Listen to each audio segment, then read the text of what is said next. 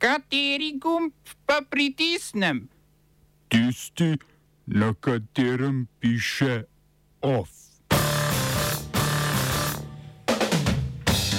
10 milijonov Ukrajincev brez elektrike.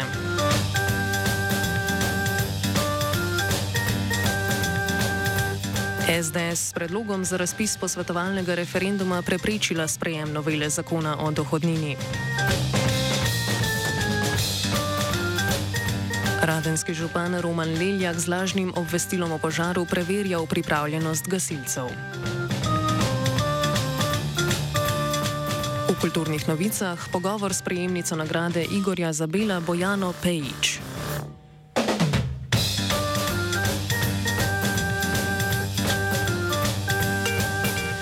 Ruski napadi so več kot 10 milijonov Ukrajincev odrezali od elektrike.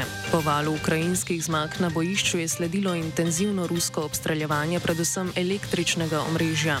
Zaradi tega so prizadeti ljudje po vsej Ukrajini, najhuje pa je po navedbah predsednika Volodomirja Zelenskega v regijah Odessa, Vinica, Sumi in Kijev. Poškodbe omrežja so zelo obsežne, zato je država morala uvesti prekinitve napajanja za razbremenitev omrežja. V nekaterih regijah, kot je Harkov, je poškodovana tudi druga kritična infrastruktura. Ukrajina je Rusijo po napadih ponovno označila za teroristično državo, Rusija pa za izpade krivi Ukrajino samo, saj zavrača pogajanja in s tem podaljšuje vojno.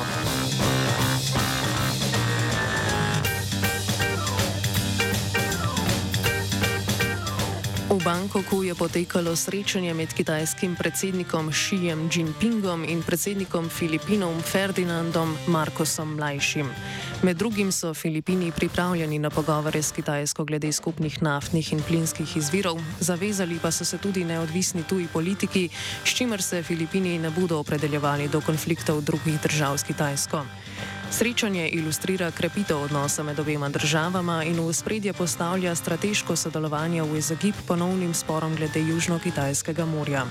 Dolgoletni konflikt o pomorski razmejitvi med državama je bil formalno razrešen leta 2016 na arbitražnem sodišču v Hagu in sicer v korist Filipinov.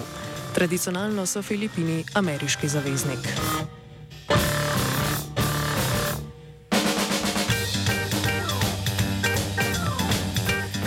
Španski varuh človekovih pravic je v uradni izjavi prepoznal krivdo španske žandarmerije za stampedo v Melilji na meji z Marokom. Ombudsman Angel Galibondo je podvomil v poročilo notranjega ministrstva o tragediji v Melilji junija lani.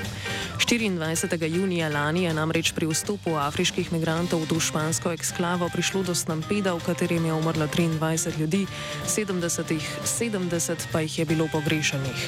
Špansko notranje ministrstvo je objavilo rezultate preiskave dogodka, a ombudsman meni, da izkrivljajo dejstva o dogodku. Fotografije incidenta kažejo, da so se na nemire med migranti agenti španske žandarmerije odzvali z metanjem kamenja in uporabo sovzivca. Poročilo ministrstva trdi, da se je žandarmerija odzvala situaciji primerno, a se varuh človekovih pravic s tem ne strinja. Njen odziv je po pojasnilih Gabilonda namreč prispeval k eskalaciji situacije in posredno povzročil stampedo.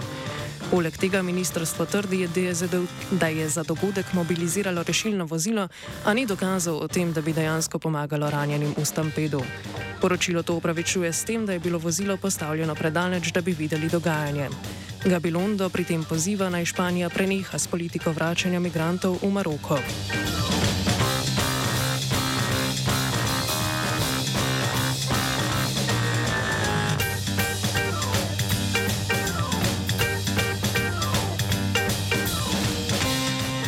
Britanski finančni minister Jeremy Hunt je napovedal zvišanje davkov v sklopu finančnih reform, ki so potrebne za obnovo stabilnosti ekonomije.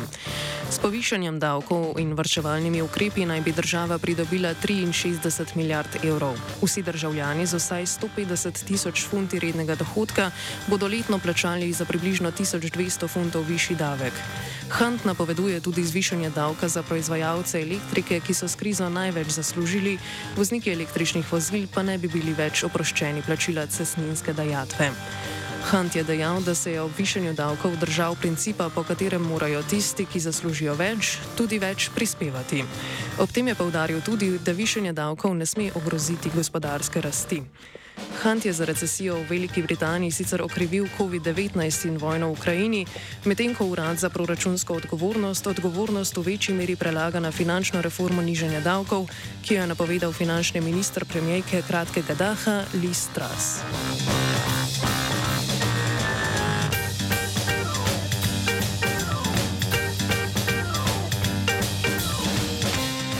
Twitter je danes zaprl svoje pisarne po odhodu številnih delavcev. Množične odpovedi so posledica zahteve novega lasnika Ilona Maska po podpisu obljube, ki bi delavce zavezala k dolgim delovnim uram ob visoki intenzivnosti dela. Mask je svoje zahteve izrazil v obliki ultimata, ki so ga delavci lahko bodi si sprejeli, bodi si zavrnili. Prav to pa je rezultiralo v burnem odzivu in množici odpovedi. Musk je po prevzetju Twitterja odpustil kar polovico zaposlenih na Twitterju, v prejšnjem tednu pa se je zvrstilo še več odpuščanj tistih, ki so ga javno kritizirali. Pisarne se bodo po napovedi Twitterja ponovno odprle v ponedeljek.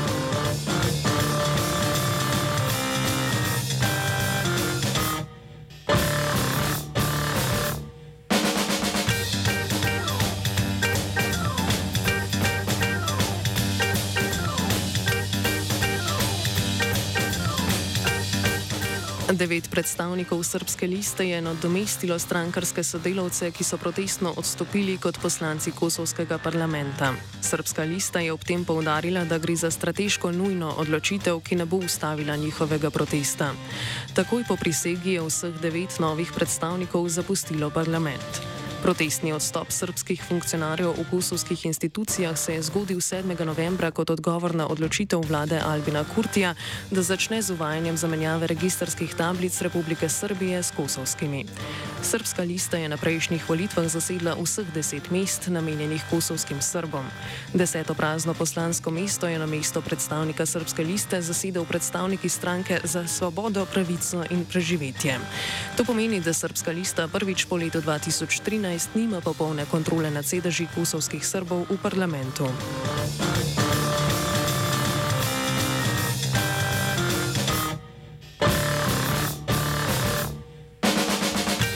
V Združenju novinarjev Srbije so sodbo Višjega sodišča v Beogradu, ki je obsodilo preiskovalni medij Krik, označili za kršenje medijske svobode in izvajanje pritiska na novinarje. Sodišče je presodilo, da je Krik oškodoval čast in dobro ime Bratislava Gašiča, trenutnega notranjega ministra in nekdanjega šefa Srpske obveščevalne agencije. To naj bi novinarji Krika storili z uporabo fraze Gašič kot Jotke naj kazanu, ki sporoča, da je sedajni minister na plačilni listi vodja Kruševskega srpskega kriminalnega klana Zorana Jotiča.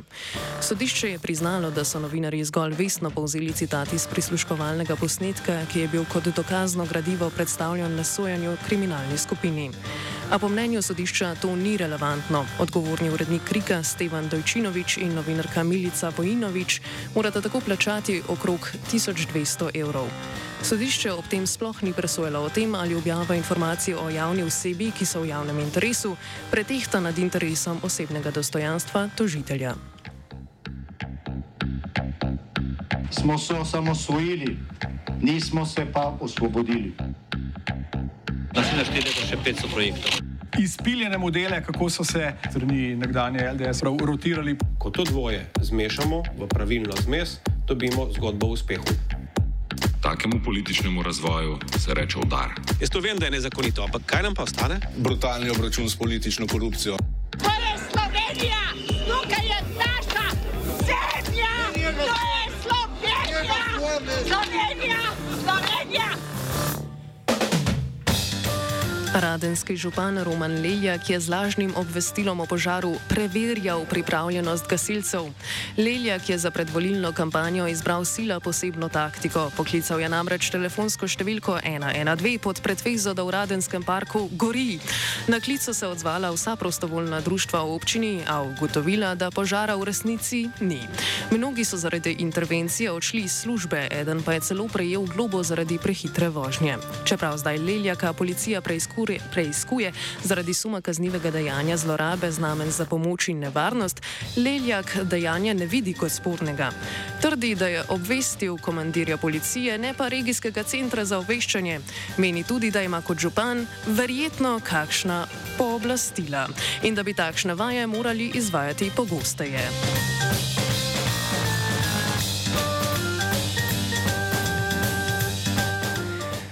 Slovenska demokratska stranka je s predlogom za razpis posvetovalnega referenduma preprečila glasovanje o noveli zakona o dohodnini.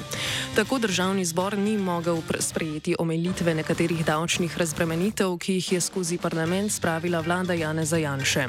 Finančni minister Klemen Boštjančič je novelo zakona označil za osrednji instrument za zagotavljanje javnofinančne vzdržnosti, medtem ko se SDS ob referendumski pobudi sklicuje na tako imenovane temeljne demokratične vrednote, po katerih bi odločanje o finančnih zadevah moralo biti prepuščeno neposredno ljudstvu.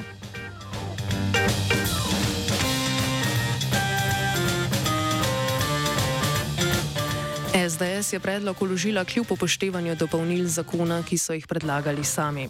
Premijer Golop je na referendumski predlog opisal kot nesprijaznjenje z izidom državno-zborskih volitev. Noveli zakona je poleg SDS oporekala tudi stranka NSI, skepso do zakona pa so izrazili tudi poslanci stranke SD.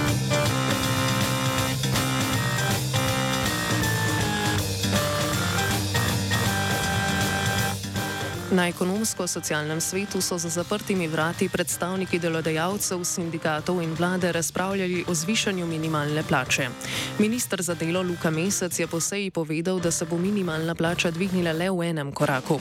Povišali naj bi jo januarja, pri tem pa upoštevali tako inflacijo kot ugotovljene stroške življenja. Še pred sejo sveta je Mesec zagovarjal, da se morata zgoditi ločena dviga minimalne plače, pri čemer ustrajajo sindikati. Zveza svobodnih sindikatov Slovenije na mesto ministrovega načrta predlaga dvostopensko zvišanje, takojšnje v skladu s stroški življenja in januarsko dodatno povišanje glede na inflacijo.